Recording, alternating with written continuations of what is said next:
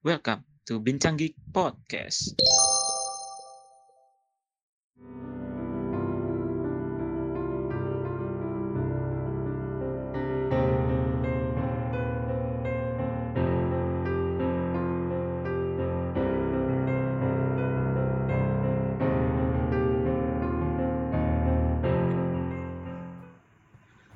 Halo guys, eh, balik lagi di Bincang Geek. Di sini ada gua Derry dan Dan gua Afkar, halo. halo, eh, ini episode 2. Gimana rasanya, Mas Afkar? Eh, ya saya cukup senang ya bisa berbincang tentang hal-hal yang juga saya sukai lah ya terkait film, game dan lainnya. Jadi saya cukup senang untuk kembali lagi berbicara di sini. Oke, eh, tentu saja eh, di sini di episode 2 hmm, topiknya sebenarnya cukup menarik ya, Mas.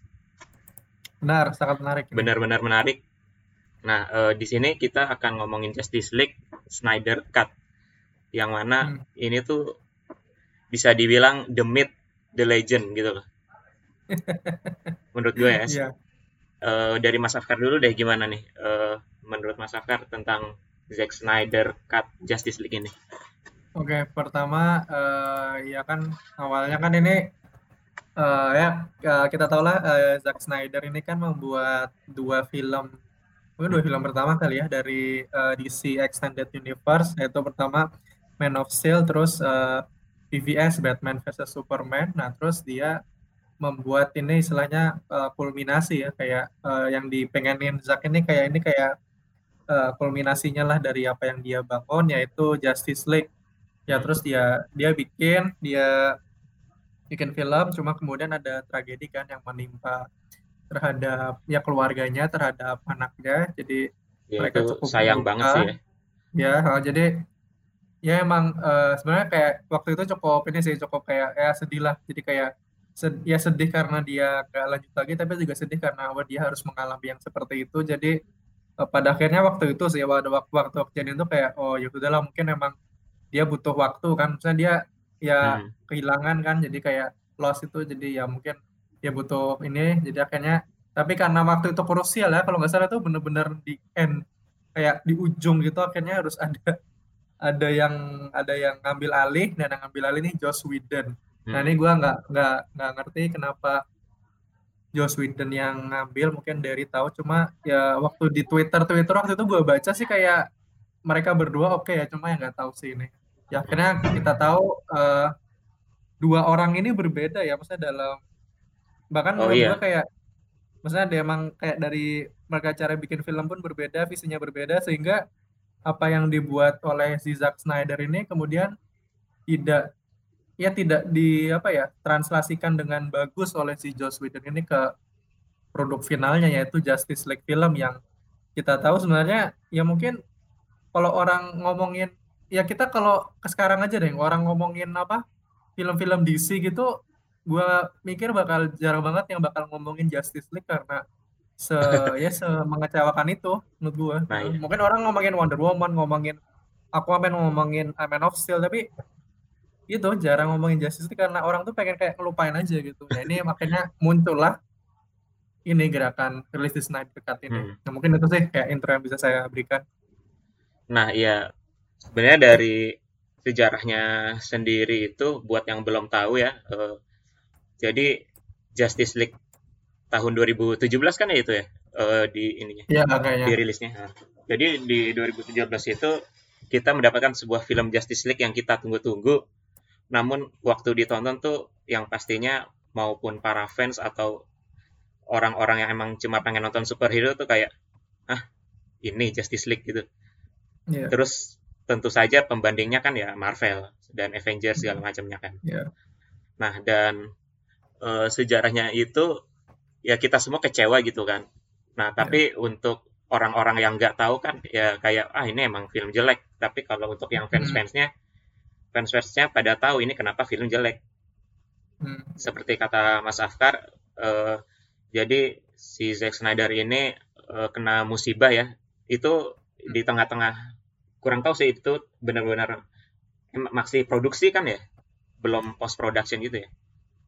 kayaknya udah selesai produksi Udah selesai ya? cuma atau iya, oh kayaknya udah selesai. kayak udah selesai. terus Jadi Joss Whedon udah masuk heeh, benar-benar. nah heeh. nah karena apa si Zack Snyder ini apa kena musibah lah gitu ya Mhm, mhm, ya. terus eh, jadi dari eksekutif produsernya istilahnya ya para produsernya di Warner Bros itu Ya. mereka lebih milih untuk mengganti sutradara untuk menyelesaikan filmnya ini dan dia adalah Ya. Joss Whedon. Nah Hmm. untuk kenapa Joss Whedon seperti yang dipertanyakan Mas Afkar, kalau yang aku baca-baca tuh juga sebenarnya rumor-rumornya itu Zack Snyder dan Joss Whedon itu memang istilahnya berteman lah ya. Nah, iya gua tahu Ya, awalnya gitu. Nah, nah gitu kan. terus Jadi kita eh, mereka tuh bilangnya berteman, cuma kita nggak tahu ini konteks temannya nih se antara sedekat apa atau gimana. Mhm. Cuma yang pasti eh, buat juga yang belum tahu, Joss Whedon itu dia yang ngesutradarain Avenger Age of Ultron yang kedua. Hmm, ya. Nah, sebenarnya eh, kalau dibandingkan dua film itu, kita bisa ngelihat ya eh, visi yang berbeda di antara dua sutradara ini. Iya, benar. Nah, gimana ya Zack Snyder itu kan kalau dilihat track recordnya ya dari Man of Steel sama Batman v Superman itu visinya Zack Snyder itu untuk DC itu kan sangat beda dengan apa yang Marvel coba bikin gitu kan. Iya. Nah, ketika Joss Whedon masuk, semua itu banyak yang berubah. Hmm. Ya, jadi buat yang belum tahu, Justice League itu banyak yang reshoot, banyak yang di-cut juga, dan itu benar-benar sayang banget. Dan Ya, for your, jadi nah gimana mas, nambahin? Enggak, jadi setahu saya kan kayak awalnya tuh si Joss Whedon ini di hire itu Heeh. tuh bukan buat bukan buat apa ya istilahnya, bukan buat bikin film, tapi untuk kayak kayak finishing doang. Cuma kan akhirnya dia Nah, kayak melakukan reshoot, terus eh, skrip nggak tahu ya, pokoknya dia kayak masukin idenya sendiri. oh, Ini kan mungkin, bentar ya, heeh. aku jadi kayak inget, mungkin kayak gini sih, sebenarnya kan emang Joss Whedon itu dia nggak ada di kredit kan, kreditnya itu directed by Zack, Zack Snyder, Ya, ya, ya. walaupun finishingnya bukan dia, Mhm. gitu kan. Hmm, jadi tahu aku Zack Snyder dan eh, ata- atas-atasnya Warner Hmm. Bros ini produsernya itu emang sedikit ada apa ya cekcok lah gitu ya bukan cekcok Ya, sih ya. kayak disagreement Ya. jadi awalnya Zack Snyder itu bik- pengen bikin cut itu di atas dua jam Eh, mungkin hampir tiga jam kali ya kalau nggak salah ya Mhm. hampir tiga jam terus sempat tuh di di screening cutnya Hmm. Warner Bros itu kayak nggak inilah mereka nggak nggak mau yang tiga jam gitu mereka Mhm. mau yang dua jam dan kalau pas gua baca-baca itu alasannya itu alasan bisnis. jadi Ya. ya kalau bisa dipikir-pikir aja kayak kayak kemarin deh Avenger Avenger tuh kan tiga jam ya Iya, iya. nah ingat banget eh, waktu Avenger yang tiga jam itu yang terakhir apa in Endgame. Endgame nah, yang Endgame itu di Indonesia aja untuk awal buka bioskop untuk Avengers itu dari pagi kan Iya, itu benar. dari pagi banget itu karena filmnya tiga jam. Nah bayangin aja kalau Zack Snyder bikin film yang lebih dari tiga jam tuh kayak gimana ya Mhm. nggak sih Mhm. jadi eh, logikanya ya makin banyak durasinya bioskop-bioskop itu juga apa nayanginnya eh, misal sehari misal sehari empat gitu ya kalau misalnya durasinya tiga jam lebih itu mungkin cuma Hmm. bisa jadi tiga terus duit yang Mhm. masuk dikit jadi emang ada politiknya di situ politik bisnis nah Mhm. ini gimana menurut Mas Afar nih Ini sebenarnya kayak direktur dan studio ini kita pikir sebenarnya ini bukan cuma di Justice League ya. Jadi kayak emang kayak eh, kan ada seorang sutradara ya director dia punya dia seorang kreator lah dia seorang kreatif Hmm. orang kreatif dan studio dia istilahnya ya apa ya mungkin kayak semacam bukan investor ya pokoknya ya semacam yang mengelola untuk mengelola bisnisnya lah untuk menghasilkan uang. Dan ini kayak eh, ya kita harus melihat eh, ya ini agak susah sih kayak trade off gitu. Jadi Hmm. gimana nyesuaiinnya dan eh, memang terkait Justice League ini ya Justice League ini cukup alot ya. Memang dari awal tuh cukup beritanya juga dan rumor-rumor cukup alot terkait eh, ya uh, terkait apa ya visinya si Zack Snyder dan keinginan studio yang akhirnya kayak gimana ya walaupun si ya gue mikirnya uh, si Zack Snyder ini sutradara tapi kayak sutradara ini punya bos nah hmm. walaupun misalnya kayak pada akhirnya si Zack itu bukan keputusan dia gitu loh akhirnya si hmm. Zack ini kan cuma bisa melobi cuma bisa ini loh gue pengennya gini tapi akhirnya yang menentukan itu si ini si apa sih apa si studio jadi kayak yeah. ya kayaknya cuma Bros jadi ya kayak susah juga sih memang kayak ya mbak ada kayak dilema seperti itulah nah balik lagi ke Justice League-nya Snyder Cut ini hmm. setelah uh, dirilis Justice League itu yang orang-orang juga apa ya kayak ngerasa bukan ini bukan Justice League gitu hmm. ya kan untuk para fansnya kalau untuk yang lainnya mungkin it's just another superhero film gitu kan. Mm, yeah. Nah, belum lama setelah rilis itu uh, muncullah sebuah hashtag yang apa ya? Sebuah pergerakan yang cukup up, menurut gue sih kayak pergerakan ini nggak nggak ada habis-habisnya gitu loh. Benar benar benar. Ya nggak sih? Ya, Jadi benar benar. Uh, ya namanya nama hashtagnya itu kan rilis hashtag rilis the Snyder Cut. Ya. Nah itu uh, Mas Afkar sendiri waktu itu taunya gimana waktu ada hashtag rilis the Snyder Cut? Nah ini uh, gua apa ya? Gua sebenarnya uh, kurang tahu sih awalnya kayak gimana ya. Cuma tiba tiba-tiba ada, terus tiba-tiba besar. Tapi yang gua tahu ini kalau gua misalnya sampai sekarang kan di sini ya dia tetap ada ya kayaknya berhasil cuma dia ber, apa ya dia ada cukup lama dan mungkin kayak itu keinginan fans yang cukup kuat ya jadi hmm. mungkin uh, eh, DC DC fans ini terutama yang sudah menyukai Man of Steel dan Batman versus Superman ini hmm. Batman v Superman dia uh, istilahnya apa ya dia uh, mereka tuh punya keinginan kuat untuk ya melihat kayak hasil karyanya si si Zack Snyder dan apalagi melihat ya istilahnya hasil yang cukup mengecewakan lah ya, buat Justice League dan ya reshoot dan sebagainya jadi kayak mereka ya mereka tuh ingin hasil yang sebenarnya. Dan gua gua uh, gua lupa sih uh, waktu dulu di awal tuh kalau nggak salah sih si Zack itu kayak sangat apresiatif. Nah cuma gua nggak tahu apakah dia kayak bener-bener ngepush ada. Gua taunya tuh dia ngepush ada itu ya mungkin setahunan atau dua tahunan ke belakang. Cuma pas awal-awal ada itu gue uh, tahunya dia kayak appreciate appreciate dan very appreciate tapi kayak cukup di situ. Nah mungkin dari bisa nambahin gimana? Nah ya tapi uh, tadi kan Mas Afkar sendiri uh, mention uh, apa ya kayak film-film Man of Steel sama Batman v Superman sebenarnya aku penasaran ini menurut Mas Afkar gimana yang Man of Steel sama nah, Batman v Superman itu sendiri nah, Nah, gue sebenarnya, nah ini gue jujur-jujuran gue sebenarnya awalnya ini bukan awalnya ya, gue memang berdiri di sini sebagai Marvel uh-huh. fan. Nah, Wah. jadi ketika waktu sebenarnya gue lebih ke DC itu, sih. Wah, ini waktu waktu awal itu okay, memang okay. uh-huh. sukanya ya Marvel. Hmm. Nah, gue tuh lebih condong, bukan lebih condong sih.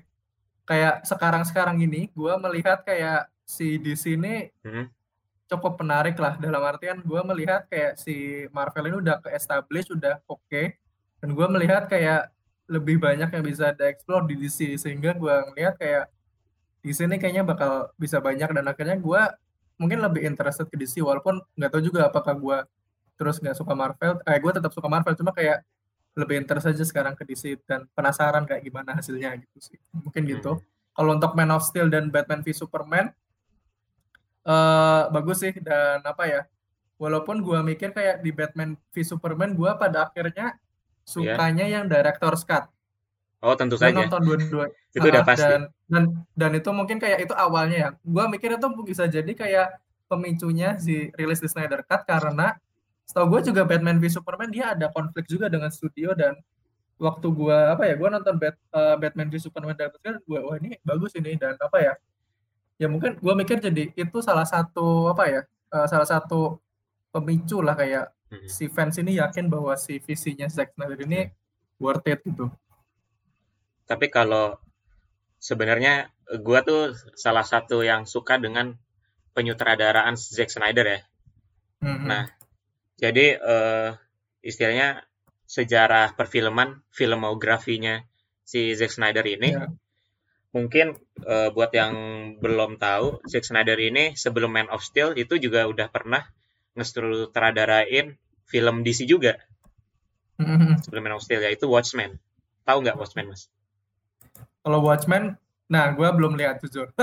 Belum. Tapi gue sering dengar dan ya katanya bagus dan cukup apa ya stand out gitu. Nah, eh, sebenarnya Watchmen sendiri ini bukan tipe dia itu eh, sebenarnya ceritanya tuh udah beda banget sama DC yang Superman, Batman kayak gitu. Dia tuh entirely different universe gitu loh. Gak ada yang namanya Batman atau tapi Hmm. ada yang merepresentasikan mirip-mirip Batman. Ada yang mirip-mirip Superman. Tapi justru di sini kalau di Watchmen ini paling bahkan dia paling kuat, lebih kuat dari Superman. Nah, ya, si apa Dokter Manhattan kalau buat yang belum Oh, tahu iya. itu nah itu mungkin nanti aja sih. Tapi Hmm. si Zack Snyder ini di Watchmen ini dia gua kurang tahu sih theatrical cut-nya itu berapa jam.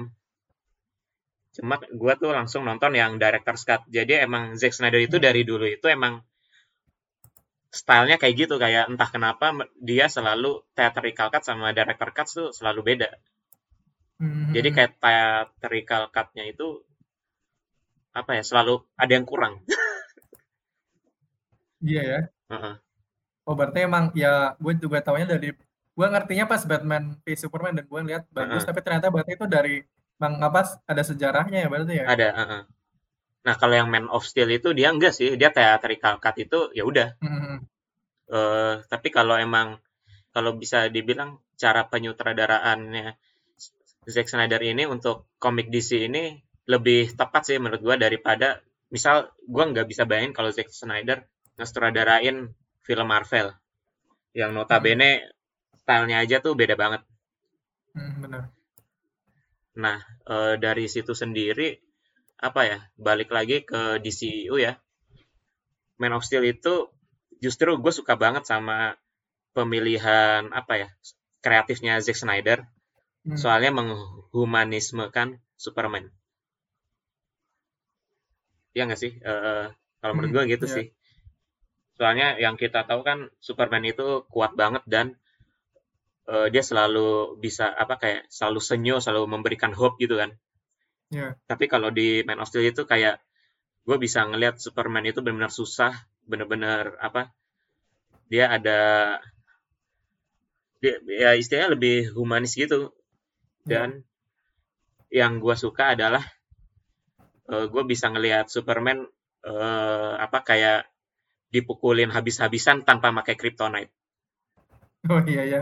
Iya sih, iya iya. Soal- Benar-benar. iya Yang nggak gue sih? benar-benar benar-benar. Soalnya gue ngelihat Superman dan musuh-musuhnya selalu ya istilahnya kayak ya makanya Kryptonite karena istilahnya ya mungkin they're invincible apa gimana lah istilahnya Nah. Superman. Cuma ya itu menarik juga sih melihat kayak atau apa ya toe to toe lah istilahnya apa se, eh, seimbang lah. Heeh. Ada ya gitulah. Heeh. Nah, sebelumnya kan eh, sebelum ada Man of Steel itu di- Superman di pikiran gue adalah ya tinggal kasih kryptonite lemah gitu kan. Hmm. Nah, di Man of Steel ini tuh benar-benar apa ya? Wawasan gue dibuka gitu. Kalau ternyata kryptonite itu tuh eh maksudnya ada alasannya kenapa kryptonite. Hmm. Jadi eh, sebenarnya ternyata nggak dikasih kryptonite itu si Superman bisa lemah kalau dia ada ada apa dia terkena sesuatu yang berhubungan dengan eh kayak misalnya ketika dia masuk ke pesawatnya si Zod itu kan atmosfernya atmosfer Krypton kan. Nah, Iya, dia iya, langsung iya. lemah di situ. Jadi benar-benar dibuka wawasannya kalau Kryptonite itu hanyalah sebuah benda yang merepresent- mempresentasikan Krypton sehingga membuat Superman itu lemah Hmm. gitu. Nah, itu untuk Man of Steel sendiri sih. Mungkin eh, tadi kan kita udah ngomongin Justice League ini dari mana asal usulnya juga kan, Iya iya. kayak gitu kan. Terus eh, mungkin ada satu lagi sih yang gimana ya, yang gue sangat appreciate dengan hashtag release the Snyder Cut ini karena dia istilahnya apa ya? Dari 2017 sampai sekarang 2020 itu gerakannya tuh masih kuat. Nah itu Benar. Benar, masih kuat. Eh, nah itu gimana Ya. ya? Maksudnya gimana menurut Mas? Itu kok kok bisa ya gitu? Biasanya kalau ada gerakan kayak gini ya paling seming, eh, sebulan dua bulan langsung loyo gitu. Iya, iya, iya, benar. Walaupun Ya, sebenarnya nggak konsisten kan? konsisten. Cuma ya menurut gua pertama kan dari fansnya ya, fansnya Heeh. dan eh, yang mereka istilahnya membuat suatu gerakan yang menjadi katalisnya adalah si cast-cast apa ya Nah. eh, apa ya, ya cast-cast dari si Justice League ini. Jadi eh, istilahnya mereka itu ketika si Justice League apa yang yang jadi pemain dari Justice League ini menyetujui atau bahkan kayak mengiyakan bahwa perlunya Snyder Cut ini kan orang-orang jadi kayak "Loh, Nah iya yang sih. main aja yang main aja bilang perlu kok ya berarti ini kayak apa ya ya kayak sebagai justifikasi sebagai kayak ya ini memang diperlukan. Akhirnya itu yang membuat semakin masif dan gue mikir kalau mungkin fansnya doang ada apa istilahnya kalau mungkin dalam movement tuh ada istilahnya nafas gerakan. Nafas gerakannya tuh nggak akan nggak akan lama. Iya sih. mungkin ya. Kalaupun lama itu ada ya adalah orang-orang tertentu saja. Tapi kayak sebuah gerakan kan harus banyak apa ya the mass kan the mass eh, kayak orang banyak. Dan itu susah kalau tidak ada yang memperpanjang nafas gerakan dan yang memperpanjang nafas gerakan ini ya ini si case menurut gua case case utama dari The Justice League yang kemudian menyebar ke berbagai tokoh lah berbagai tokoh berbagai bahkan mungkin eh, Joko Anwar kayak direct apa Wah, iya. Indonesia Gue rada surprise sih waktu ngelihat Joko Anwar setiap eh, rilis The Snyder Cut trending tuh dia ikutan juga. nah Oh my god. Iya. jadi emang kalau ngomong tentang Joko Anwar menurut gua dia memang ada suatu ke fans apa ya dia kayak menurut gua ada fans tersendiri terhadap Zack Snyder yang mungkin Hmm. ya nggak tahu sih ya katanya katanya kalau Joko Anwar bikin film itu ada sedikit-sedikit inspirasi dari sana walaupun ya gua belum terlalu paham tapi istilahnya dia memang dia dalam beberapa kesempatan wawancara emang dia bilang mengagumi apa ya Zack Snyder dan mungkin kalau di Oh Indonesia gitu ya ya. Joko Anwar ya gua ya belum terlalu gua sempat baca ka- katanya seperti itu cuma nggak tahu Wah, kalau itu gue baru tahu sih. Gue kira dia cuma apa ya Joko Anwar tuh emang maksudnya dia ikutan untuk sebagai sesama sutradara gitu kan untuk biar karyanya itu karya yang benar istilahnya yang benar bisa oh ya ya nggak sih? gua gua taunya itu pas Batman v Superman Batman v Superman dia nge-tweet apa Heeh. istilahnya eh, kalau nggak salah eh, kalian harus nonton ini kayak gua gua lupa ya persisnya gimana pokoknya intinya kayak kalian harus nonton ini gua pikir ini adalah salah satu film yang baik gitu. Dan itu kayak menurut gua ketika dia nge-tweet itu ya berarti dia menunjukkan kesukaannya terhadap film itu. Nah, itu kan waktu Batman, Batman v Superman. Kemudian ketika muncul Justice League akhirnya Heeh. dia mempromot itu dan ya akhirnya dia ya akhirnya tuh ke berbagai interview juga dan akhirnya ya dia suka gitu. Walaupun gua nggak tahu dia sesuka apa tapi dia memang menyatakan setahu gua gitu kalau dia memang suka Zack Snyder gitu. Iya sih, sebenarnya eh, cukup menarik ya, terutama ngelihat sutradara yang apa ya istilahnya, kayak sutradara Indonesia yang istilahnya kan dekat kan ya di Iya, Indonesia benar, itu benar, benar. sendiri dan eh, mereka tuh su- eh, suka dengan tes yang kita suka juga kan. Dan ya mungkin nanti Joko Anwar bikin film superhero-nya mungkin yang Gundala itu juga ada mungkin eh, ada inspirasi dari Zack Snyder gitu ya, mungkin dari shot-shotnya gitu. bisa jadi Iya sih. Nah, untuk rilis The Snyder Cut ini karena dari 2017 ya sampai benar. sekarang. Terus eh, kemarin itu kan eh, tanggal berapa ya? Jadi eh, Zack Snyder itu ada announcement. Katanya dia mau bikin kan lagi apa? Lagi pandemi kayak gini, Iya, banyak sutradara-sutradara yang bikin namanya watch party. Iya, ya kan? Jadi watch party itu kayak eh, kayak misal sutradaranya si Zack Snyder ini dia eh, bikin live streaming gitu. Hmm. mungkin lewat Zoom atau apa. Terus dia kayak dia ngeplay nah di sini tuh dia ngeplay Man of Steel Hmm. film pertama DCU terus nanti dia komentar selama selama sepanjang film jadi ntar eh, kita ngeplay sama-sama dengan Zack Snyder jadi kita istilahnya kayak nonton bareng gitu secara Nonton tidak bareng, langsung iya. secara online lah Iya. ya. Iya, iya. Dan mengetahui kayak komentarnya dia kan istilahnya. Per apa ya? Ya kayak live live mungkin kayak semacam live tweet sambil nonton gitu ya. Live Nah, komentari live commentary iya. Nah yang menariknya itu sebelum si Zack Snyder ini membuat watch party ini ada isu-isu nih. Rumor-rumor yang bisa dibilang rilis The Snyder Cut ini katanya mau dirilis. Dan dia akan Nah. announcement waktu watch party-nya Man of Steel. Nah, Nah. waktu itu gimana ya, eh, Mas Afkar tuh kira-kira waktu itu bener-bener percaya nggak kayak wah ini kita udah dua tahun dikayak giniin terus kira-kira ini beneran nggak ya? Nah, nah, wah, nah gue malah justru pengen, tanya dari cuma karena dari nanya gue, ya gue juga cukup ngikutin uh, rilis Snyder Cut dan memang cukup ya bener sih dari kayak ada kan apa ya ada pengumuman tapi ternyata pengumumannya ya sesuatu yang lain ada pengumuman ini Nah. terus jadinya nah uh, istilahnya kayak nggak tahu sih aku ngelihat ini kayak terbiasa dengan kekecewaan gitu Nah, loh iya. kekecewaan bukan kecewa kayak apa ya uh, luntur tapi kayak lo kok seperti ini lo kok seperti ini nah jadi ketika itu muncul jujur aja kayak eh, apa ya eh, apa gua mikirnya kayak eh, soalnya ada dua opini jadi yang Hmm. pertama tuh yang kencang banget kan Justice eh, Justice League Snyder Cut cuma Iya. ada satu opini lagi Man of Steel 2 karena yang Nah, ditonton Man of Itu Steel 2 sebenarnya kalau gue sih gue mikir walaupun Heeh. kalaupun bukan Justice League itu gue tetap seneng sih kalau Man of Steel 2. nah, nah, nah man, ya akhirnya gitu kan. Ah, gua mikirnya bisa jadi sih. Gua mikirnya lebih mungkin yang Man of Steel 2 Nah, cuma ya ternyata akhirnya kita tahu sendiri jadi Heeh. kenyataan. Nah itu mungkin dari mungkin ada tahukah mungkin itu rumor? Kok bisa muncul rumor ada itu dari mana? Gue juga nggak tahu sih. Tapi ya itu. Itu cukup mengagetkan dan Hmm. boh akhirnya gitu kan. Nah kalau rumor itu sebenarnya setahu gue jadi sebenarnya gue juga kaget ya gue lagi lihat Twitter lagi scroll scroll tiba-tiba lihat trending loh ini kok ada hashtag rilis di Snyder Cut terus gue langsung ini kan lihat trendingnya ini apaan terus ada rumor-rumor katanya si Zack Snyder mau bikin watch party dan dia mau bikin announcement di situ kan Hmm. Terus ada ini kan, jadi baru-baru ini tuh ada streaming platform yang baru. Di Indonesia Hmm. belum ada sih, baru di Iya, iya. Amerika, Kanada. Hmm. Itu HBO Max. Hmm. Nah, HBO Max ini yang katanya akan merilis Zack Snyder Justice League ini. Hmm.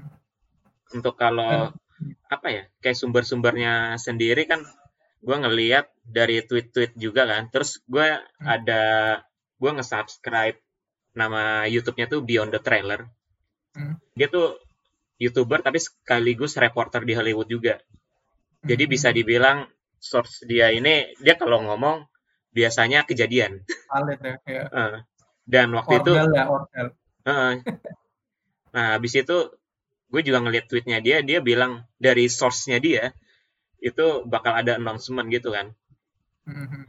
Nah, kalau buat gue sendiri sih info dari dia itu udah cukup meyakinkan buat gue bahwa it's really happening gitu. ah ya ya ya gue nggak tahu dia soalnya. Nah, mungkin bener. kalian bisa ngecek sih nama channelnya tuh Beyond the Trailer. Nama Twitternya itu Grace Randolph.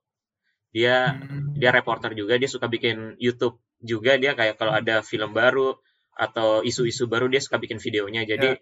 di situ tuh kalau kalian mau tahu apa info-info rumor-rumor terutama di Hollywood ya film-film Hollywood itu kalian bisa cek ke situ Hmm. nah terus apa ya dan ternyata bener dong itu terjadi Nah, akhir akhirnya gitu kan ya, akhirnya Heeh. terjadi gitu. sempat nonton nggak eh, apa Vero-nya itu dia kan di streamingnya tuh di Vero Mm. Gua gua nggak sih kalau gua soalnya kalau nggak salah gua lupa sih itu malam apa apa. Gua cuma malam ya kalau nggak salah tuh ngecek pagi. Pagi gua taunya ngecek bangun pagi kalau nggak salah mau kerja apa weekend pokoknya eh, pokoknya pagi lah pagi ngecek Twitter terus ada gitu terus wow gitu. Karena waktu malam gua wah uh, ya cobalah lihat gimana ternyata pagi itu benar-benar heboh dan akhirnya benar-benar di mana-mana sih karena akan apa ini kayak ending yang diharapkan orang-orang kan ya di situlah ya gue tanya di situ sih kalau nonton emang gue nonton sama lu nonton dari apa gimana gue rencana rencananya mau nonton hmm. tapi gue kan kayak dari luar gitu kan terus kayak aduh gue kan udah ngeliat yeah. di Vero katanya jam berapa apa kayak WIB-nya sana lah gue lupa namanya apa hmm, terus yeah, gue yeah. ngeliat kalau di WIB ya itu jam 10 malam uh -huh. malam kan terus hmm. karena gue dari luar gue nyampe sini tuh jam 10 lewat dikit Iya. Yeah. terus kayak pas gue nyalain toko ini belum mulai gitu kan terus gue tunggu uh. gue tunggu malah kayak kelewat dikit gitu sih mm. nah gue tuh kan udah siap-siap nih gue udah punya apa di harddisk kan gue udah ada Man of Steel nih Iya, iya, iya. Gue bener-bener udah siap-siap, terus kayak uh. kalau gue lihat di streamnya tuh kayak, oh kayaknya masih siap-siap gitu kan. Iya, iya. Terus, oh nggak taunya dia sambil ngomong-ngomong gitu, dia udah dia udah ngeplay dong. Terus kayak nggak ada timestampnya gitu, kayak ini udah di menit berapa. Iya, iya, iya. Oh iya, Jadi, iya, iya. Waduh, ini nebak-nebak dong. Terus kan gue bete kan, ah ya udahlah. Iya iya iya. Uh, gue nunggu paginya aja gitu kan. Habis itu gua itu kan masih puasa ya. Masih puasa gua bangun. Oh, iya ya? Iya masih puasa. Eh, oh iya, Bang. gua tuh Oh iya benar benar. Waktu sangat gak tau cukup cukup memakan waktu ya. Tapi berarti baru-baru ini ya berarti ya. Iya benar benar benar. Gua yeah. ngerasanya tuh walaupun baru tapi kayak dinikmati gimana gitu saya kayak wow gitu. Nah, Nah itu gimana ya? Gue bangun sahur terus tiba-tiba ceder Snyder Cut uh, apa trending lagi gitu kan. Terus atau ada posternya terus terus gue ngeliat ini kan channel YouTube-nya Vero tuh dia udah upload itu uh, hmm. streamingnya tuh berapa jam? Iya iya. Durasinya kan sekitar tiga jam gitu kan, tiga hmm. jam lebih.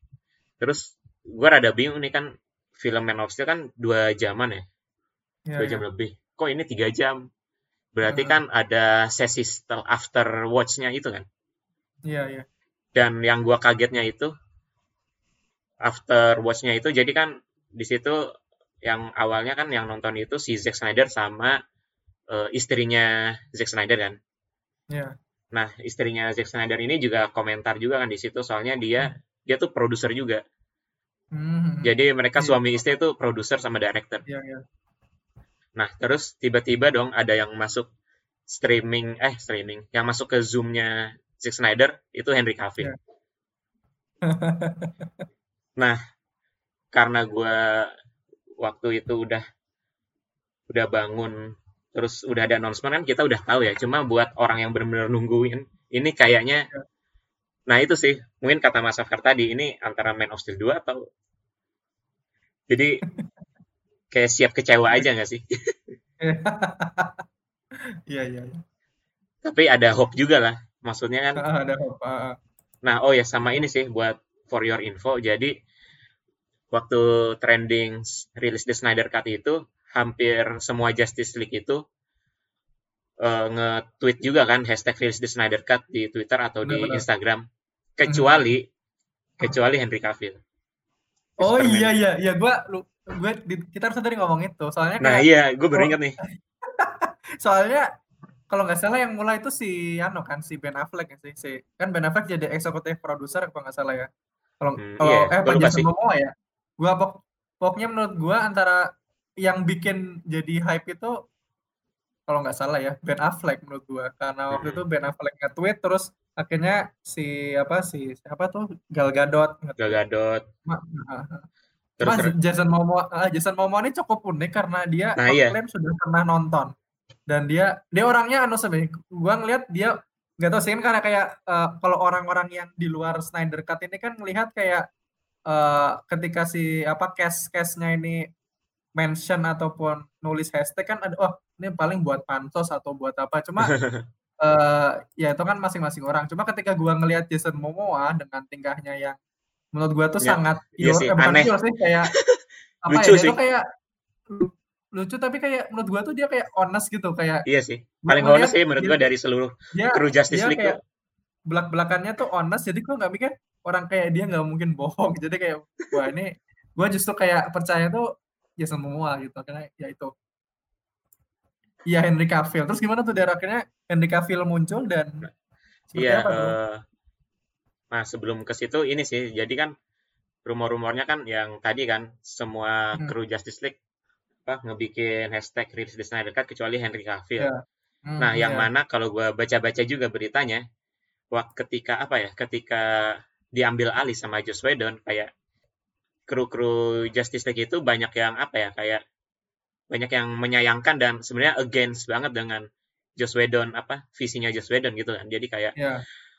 eh, mereka leb- tetap lebih suka Zack Snyder kecuali Ah. si Henry Cavill. Kalau Henry Cavill tuh kayak eh ya udah kita bikin yang fun, gue juga suka kok gitu loh. Kayak ya udah eh, gua nggak apa gua nggak gua nggak ada masalah. Sebe- Hmm. Soalnya gue juga suka yang lucu-lucu gitu. Hmm. Nah, kalau dari berita kan kayak gitu ya. Nah, gua nggak Iya, ngerti iya. apakah sempat masalah atau enggak. Cuma kalau misalnya kayak gitu doang sih harusnya si Henry Cavill ini bukannya dia nggak ngesupport ya, cuma dia nggak ngomong aja Iya, iya. gitu kali ya. Eh, cuma kan karena dia nggak ngomong, orang-orang spekulasi, Nah, benar-benar benar. ya nggak sih? Nah, Iya, terus benar-benar. akhirnya waktu di announcement-nya di watch party-nya itu Henry Cavill masuk, Iya. itu eh, semua rumor itu akhirnya terbantah. Bahkan di apa di Zoom-nya itu si Henry Cavill juga bilang eh, bahwa dia kayak I'd love to play a Superman again gitu loh. Hmm. Literally dia bilang di situ. Nah, dari situ kan udah apa ya kayak udah ada secercah istilahnya hope gitu kan. Iya. Benar-benar seorang Superman dirilis di Snyder Cut gitu. Ya nggak sih? Iya benar. Nah, habis itu kan setelah mereka berdua banyak yang ngefans, banyak fans yang masuk ke Zoom-nya Ah. itu, kayak fans yang Iya, iya, terpilih. Nah, di Ah. situ kan ada pertanyaan-pertanyaan gitu kan. Sebenarnya gue Iya. juga nge-skip nge-skip sih, soalnya lama Iya, banget iya, kan. iya. Iya, iya, emang Tapi- online. ah. Kayak udah 30 menit terakhir, 20 menit, 10 menit, ini nggak ada yang apa ya, nggak ada yang mention Snyder Cut gitu loh. Jadi gue ngerti sih orang-orang, apalagi reporter-reporter yang udah nungguin. Ini beneran ada apa enggak, fans-fans juga, itu udah kayak resah. Udah kayak, aduh, ini gue kecewa lagi kayak ini. Apalagi, nah gue ya, gue kan sebagai yang le- lebih ngefans ke DC kan. Iya, iya. Udah siap sakit hati. Ah, ah, ah. Bahkan di lima menit terakhir pun nggak ada, nggak ada omongan gitu loh. Iya. Terus sekitar ya lima sebenarnya lima menit terakhir itu ya sekitar tiga Hmm. menit fans-fans yang diundang ke Zoom ini mereka punya satu pertanyaan ah, istilahnya ibu dari semua pertanyaan yang mereka pertanyakan yaitu Iya, iya. apakah rilis The Snyder Cut ini akan muncul gitu kan Iya, dan iya. itu benar-benar terakhir ah. Terus kayak si Zack Snyder-nya sama Henry Cavill-nya tuh kayak em, ya gimana ya eh, jadi kayak mereka ngeselin juga sih terus kayak Iya, iya, iya, iya. Nah, terus si Henry Cavill-nya terakhir-terakhir bilang, I think you should show it, gitu. Wah, ini apaan Ya. nih? Eh, iya, Gitu iya. kan. Nah, terus tiba-tiba si Zack Snyder, oh, oh iya, jadi sebenarnya gue punya ini sih. Eh, bentar ya, bentar, gitu kan. Terus, eh, biasalah kayak eh, boomer-boomer gitu, ini gimana sih Iya, iya. nge- ngemuterin kamera lah, gitu kan. Iya, Terus iya. tiba-tiba pas kameranya diputer, blek, Zack Snyder Cuts coming to HBO Max. Yes. dan itu momen-momen di mana fans-fans DC pada celebrate Iya, iya. Perjuangan. sebuah kayak- perjuangan online. Pelong, iya, tapi kayak kayak pelong gitu gak sih kayak nggak tahu sih kayak berjuang kayak itu kan kayak nunggu-nunggu itu ya ada kayak istilahnya ada rasa-rasa tersendiri kan. Kemudian ketika akhirnya terjadi itu kayak akhirnya bisa ya gitu. Mungkin mungkin nggak tahu sih kayak gue juga mikir ini sebenarnya bisa apa enggak ya kayak aku nggak tahu apa yang lain juga mikir gitu. Cuma gue pikir ini sebenarnya bisa apa enggak ya kayak ini terjadi. Tapi akhirnya bisa gitu dan Mm-mm. akhirnya tercapai gitu kan. Nah, setelah reveal itu, setelah orang-orang pada ya celebrate lah ya untuk yang fans Iya. eh, DC itu eh gue ngeliat berita-berita eh maksudnya di balik deal dari Zack Snyder sama HBO Max-nya ya? ini heeh. Oh, Jadi, karena HBO Max ini kan juga mereka streaming platform baru kan Iya, iya. Heeh, terus yang pasti mereka eh, ingin mencari eh, sebuah show yang istilahnya eksklusif di HBO Max dan Iya, ya agar orang-orang subscribe gitu kan. iya. Nah, terus jadi ternyata Snyder Cut ini belum selesai ya, belum entirely selesai. Mhm. Jadi kayak eh, ada special effect yang belum selesai dan mereka butuh Benar. duit kan.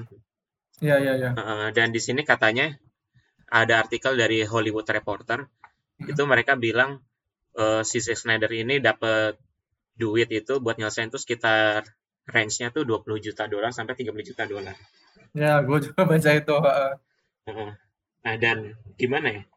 Dari HBO Max ini sebenarnya itu win-win gak sih? Mhm, benar.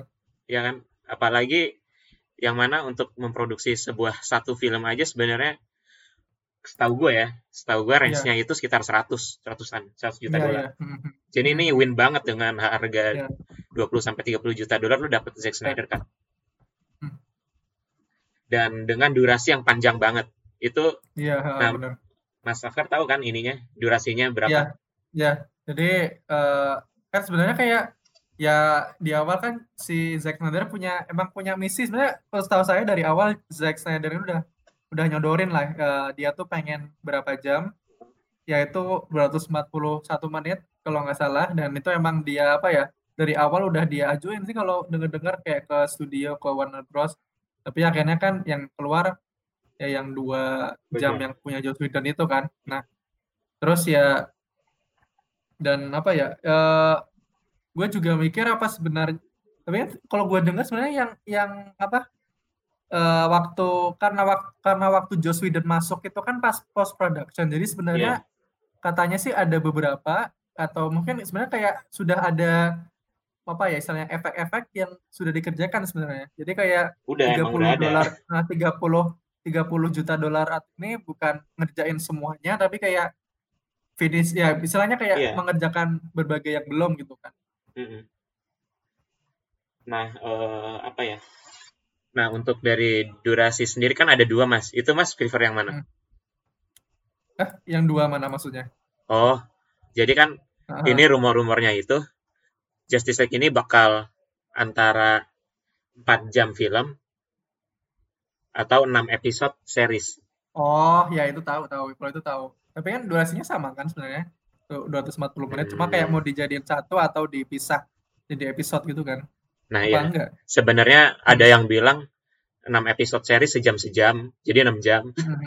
oh gitu oh ada yang gitu. bilang gitu, ada yang bilang gitu, cuma nggak tahu. Cuma Hmm. kalau misalnya film 4 jam jadi Hmm. 6 episode kan berarti kan harusnya se-episode kurang dari sejam kan.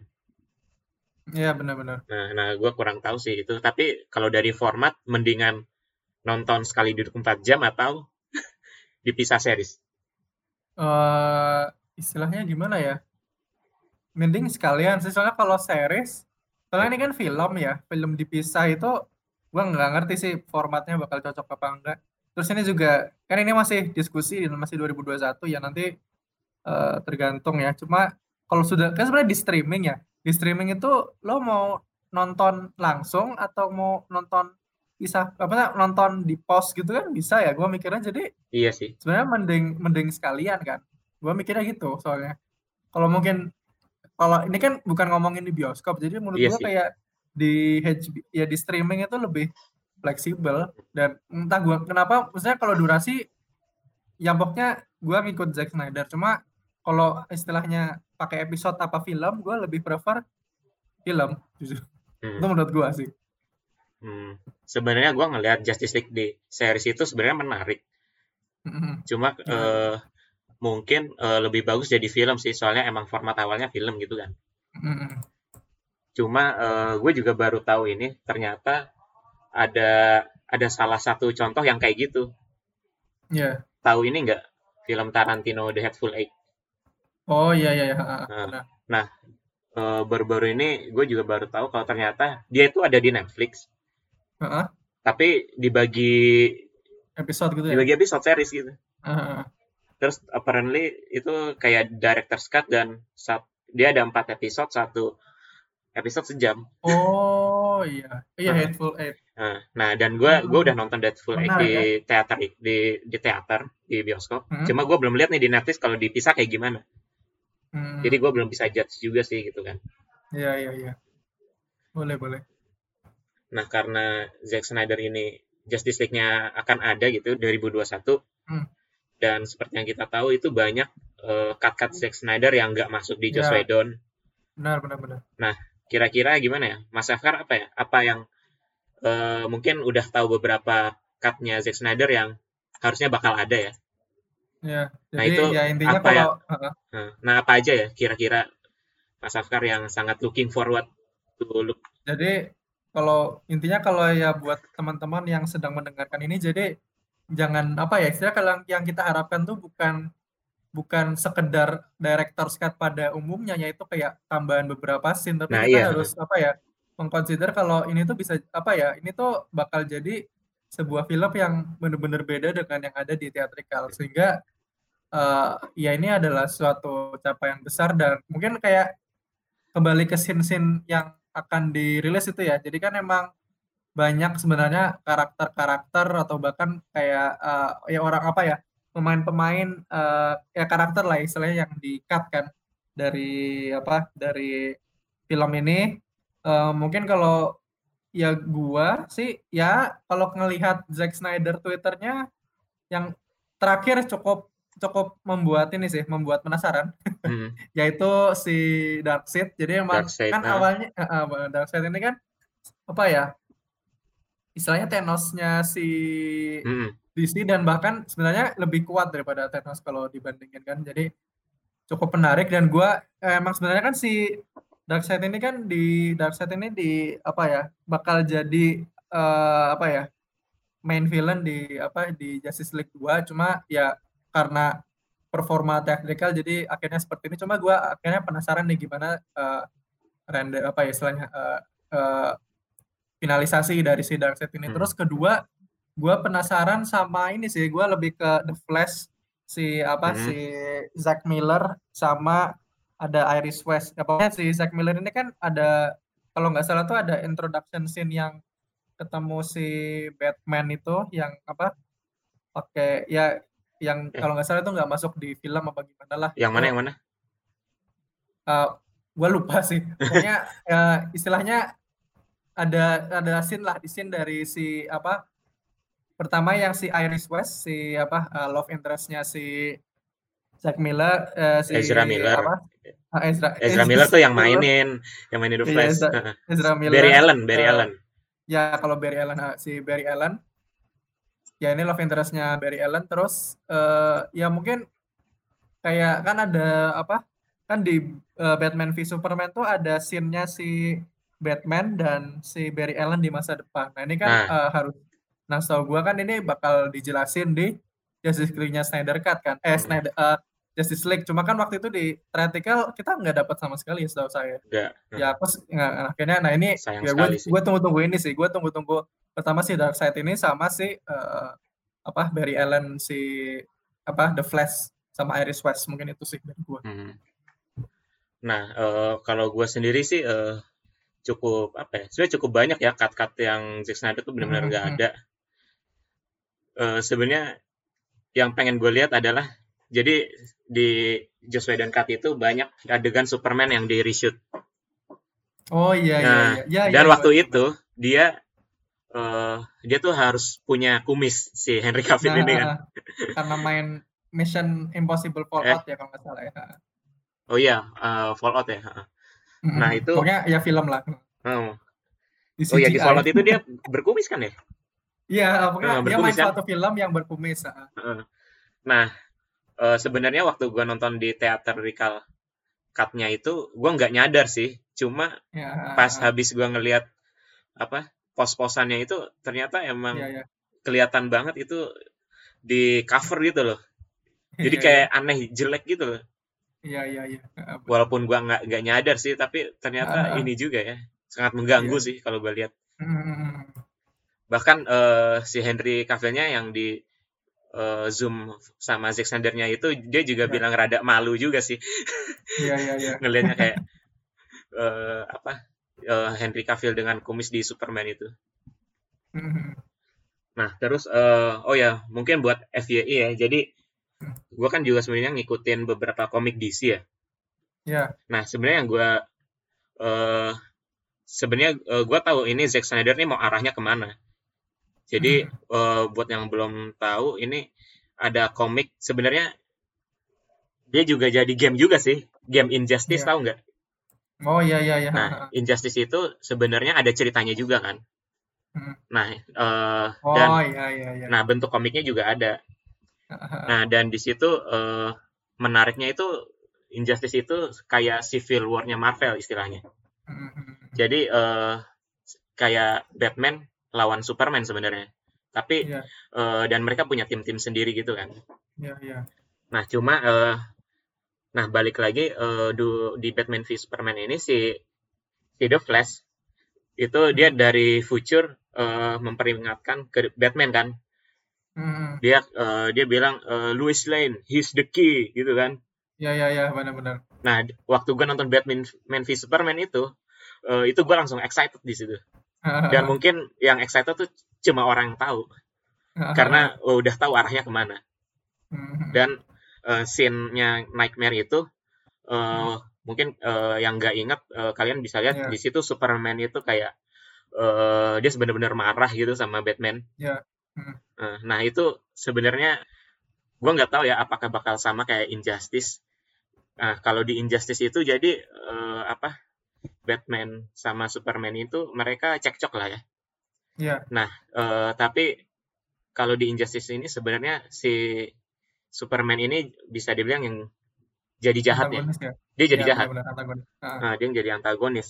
Terus kenapa dibilang Louis Lane eh apa dibilang Louis Lane is the key soalnya eh nah mungkin ini gua nggak tahu ya kalau di Justice League bakal kayak gini juga dan apakah spoiler gua nggak tahu. Jadi Iya iya.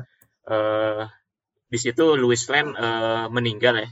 Dia mati. Hmm. Oh iya iya. Heeh, iya, dan iya. itu yang nge-trigger eh, Superman Buat- untuk berbuat hal-hal yang keji gitu. Iya iya iya iya. iya. Makanya eh, waktu di The Oh Flash iya itu emang di gamenya emang gitu sih setahu aku. Eh, aku lupa. Pokoknya di gamenya tuh emang dimulai dari Superman-nya yang Heeh.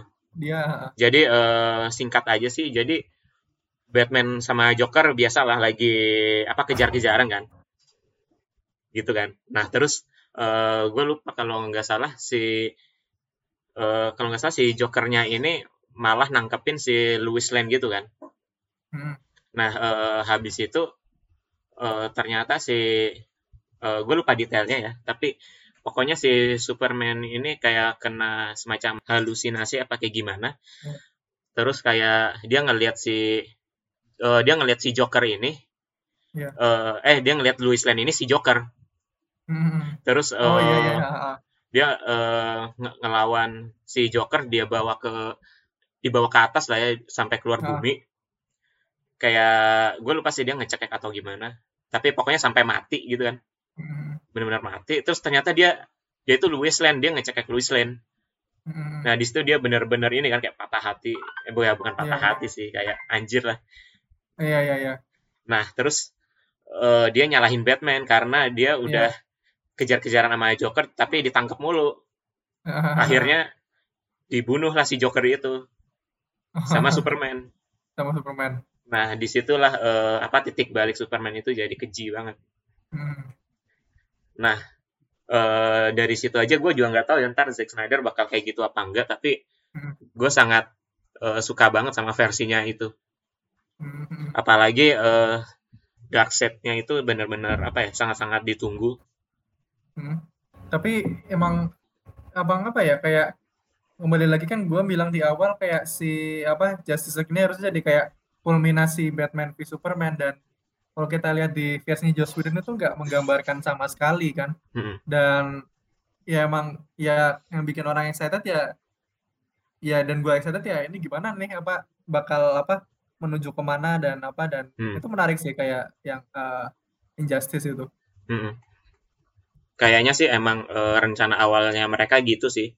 Apalagi eh, jadi kan eh, di Batman v Superman itu kan si Batman kayak ngelihat secercah dari masa depan kan yang Hmm, nama namanya itu Nightmare kan Iya benar. Night, eh, Nightmare eh nah jadi eh, kalau di situ kan kayak udah wasteland banget kan terus Hmm. di situ bisa dilihat kayak tentara-tentara itu pakai badge Superman Ya. Nah, nah, di situ tuh jadi kayak Superman itu udah benar-benar ngambil alih apa kekuasaan di bumi itu Ya. dan Batman Ya. itu eh, jadi apa eh, resistance lah istilahnya. Iya. ha. Nah itu eh, menurut gue itu plot sangat-sangat menarik gitu. Mm-mm. Eh, terus eh, mungkin kalau ada yang ingat di eh, scene Nightmare itu ada gede banget lambang Omega, Iya, eh, yang mana itu adalah lambang Darkseid. iya benar. Nah, terus kalau di Zack Snyder ini, Zack Snyder Cut, ada yang bilang ini eh, bakal ada, bakal ada. Mm. Cuma gua nggak tahu bakal sebesar apa. Soalnya eh, kayak mungkin nggak banyak sih, soalnya Hmm. harusnya ini tuh ada di Justice League 2, Mhm. original plan-nya ya. Mungkin ini sih dari apa? eh kalau main villain gue nggak tahu, cuma kalau main villain emang Justice League 2, cuma emang Mm-mm.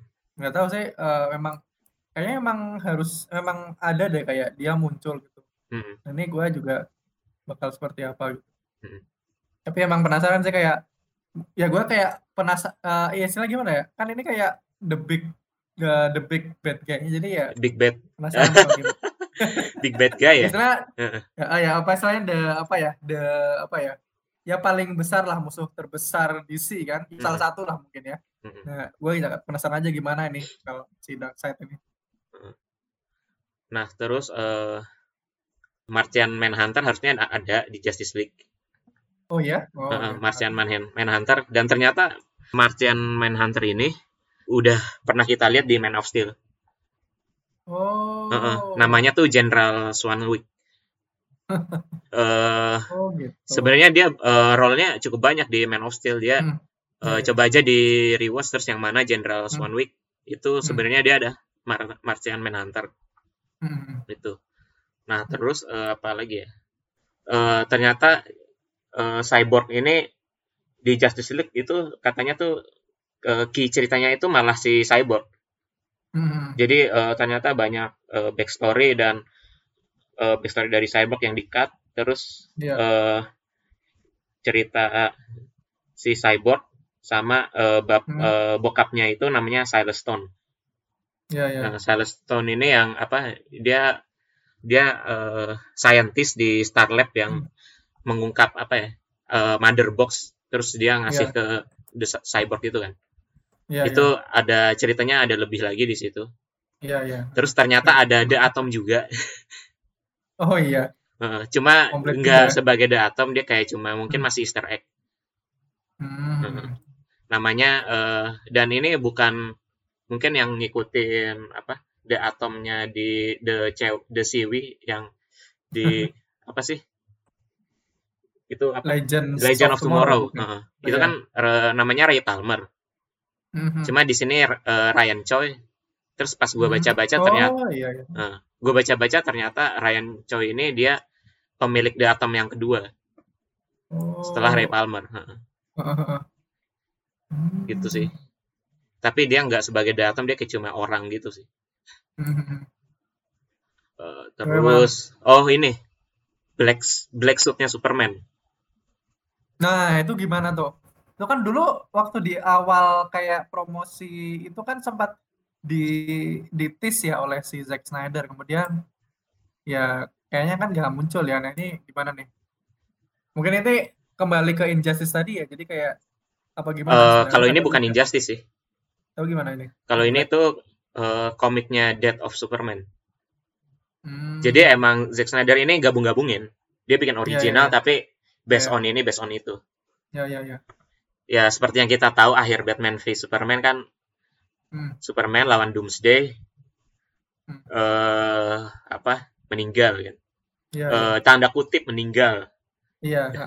gitu kan terus eh nah kalau di The Death of Superman ini itu dia eh, bangun lagi Hmm. habis lawan Doomsday dia mati bangun lagi terus dia eh, pakaiannya itu warnanya hitam Hmm. warnanya hitam dan si Superman itu brewok brewok Oh. dia brewok ram- rambutnya juga panjang Hmm. nah itu semua orang tuh pengen yang kayak gitu Oh iya iya iya. gitu nah cuma gua nggak tahu ini kayaknya sih kalau Zack Snyder nih dia cuma ngasih Easter egg aja sih dia bakal Hmm. tetap pakai baju biru merah itu Hmm.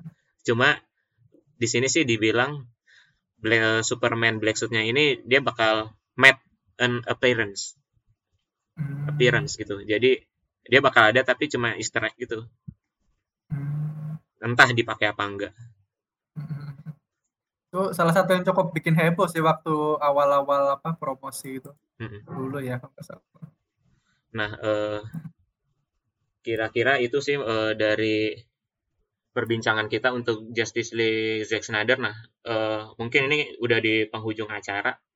Iya ya. Gimana nih, Mas Afkar ada pendapat terakhir nih? Gimana? Ya, pendapat terakhir ya eh, semoga kita bisa segera nonton ya eh, Mm-mm. apa nonton eh, Zack Snyder Justice League karena mungkin dipikir-pikir 2021 apa ya cukup lama tapi akhirnya Mhm. kita harus mengerti kalau harus dibikin nggak usah harus diselesaikan jadi ya eh, berharap aja eh, apa ya para pengerja ini bisa mengerjakan hasil yang terbaik dan kita akhirnya bisa melihat apa ya ya eh, Zack Snyder yang apa istilahnya bukan diburu-buru tapi benar-benar hasil mutakhir lah gitu. Mungkin itu dari saya dan ya harapannya kita bisa segera cepat lah mungkin 2020 karena kita isinya corona Iya, iya. biar nggak bosan-bosanin ayolah 2021 kita lihat Snyder Cut. Ya, dan sebenarnya gua harap itu juga itu 2021 ya benar ben- ya mungkin 2021 akhir atau gimana. Yang pasti ya jangan di-delay lah 2022. Ya emang ya, cukup lama sih. Ya Cukup cukup lama, lama. ya. Cuma ya kita juga nggak tahu nantinya gimana. Nah, Eh, mungkin dari gue juga terakhir eh, ini gue benar-benar sangat looking forward to this film. Mhm. Ya. Justice League eh, Snyder Zack Snyder Cut. Eh, terutama ini ya emang kalau dari Zack Snyder-nya sendiri dia bilang eh, it will be an entirely new thing. Jadi kayak benar-benar film eh, Justice League tapi beda banget. Iya. terus yang Joss Whedon itu juga katanya cuma seperempat bayangin dong Iya iya. itu cuma seperempat dari yang dia Ah, kerjain benar-benar. Jadi Iya, gue iya. benar-benar Worth pengen tahu banget. Gue pengen tahu banget Hmm. visinya Zack Snyder gimana. Hmm. Walaupun ya sebenarnya sayangnya eh, visi Zack Snyder untuk DCEU ini juga udah udah apa ya udah nggak ada sih ya nggak sih Nah, nah kita kita bisa ngomongin itu gak? Soalnya kan sebenarnya Zack Snyder ini di DCU dia semacam jadi apa ya? eh, kayak eh, pilotnya lah untuk mengerjakan arahnya ke mana. Terus nah iya karena Justice League-nya ini dalam tanda kutip ya karena bukan Zack Snyder yang bikin ya, Just Joss Whedon gagal. Akhirnya kan si apa ya eksekutif eksekutif ini jadi merubah arah kan akhirnya ya. nah iya Kayak gitu sih. nah itu makanya jadi eh, eh, arahan untuk Wonder Woman sama Aquaman juga sedikit berbeda sih dari arahannya Zack Snyder Hmm. bahkan eh, Shazam juga sebenarnya eh, udah gue udah nggak ada harapan sih untuk DCU sendiri.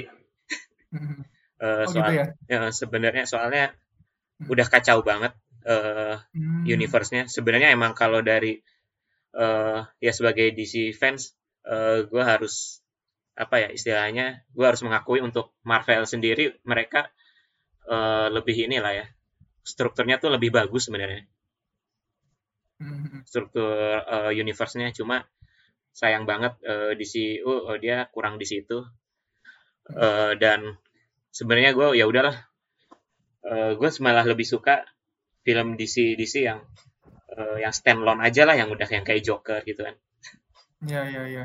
Heeh. nah terus eh ya semoga aja ini film eh, sesuai ekspektasi walaupun sebenarnya kita eh, jangan ekspektasi yang terlalu besar agar Tapi nggak kecewa sih. juga sih. Tapi Heeh. tapi pastinya pasti menurut gua pastinya bakal lebih bagus daripada yang te- Iya, di heeh, pasti. sinema. Itu pasti. Cuma sebagus apa ya kita Heeh. harus lihat gitu.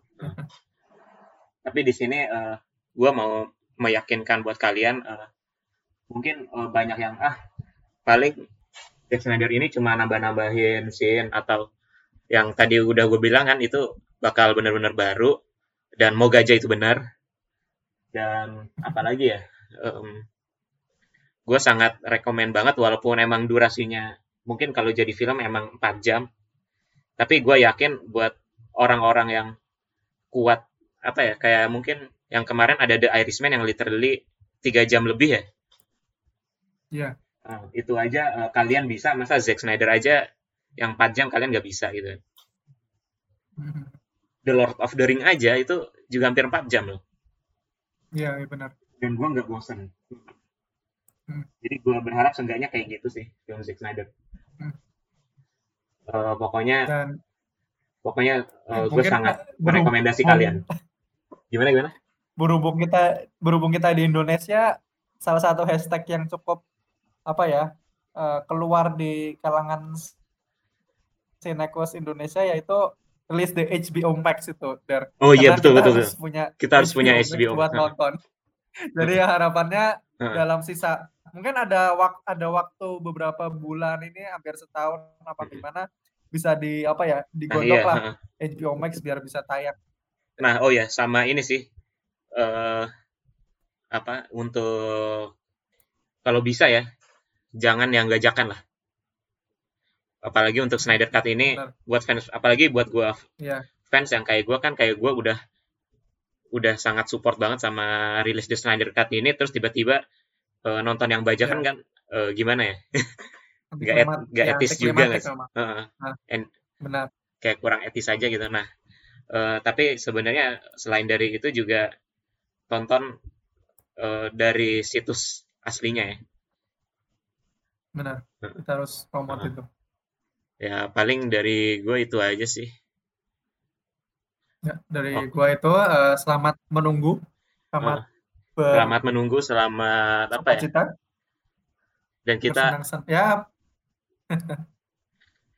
dan eh, oke guys, mungkin eh, sampai situ dulu. Gue dan Mas Afkar cabut dulu. Bye. oke, bye. Stay tune.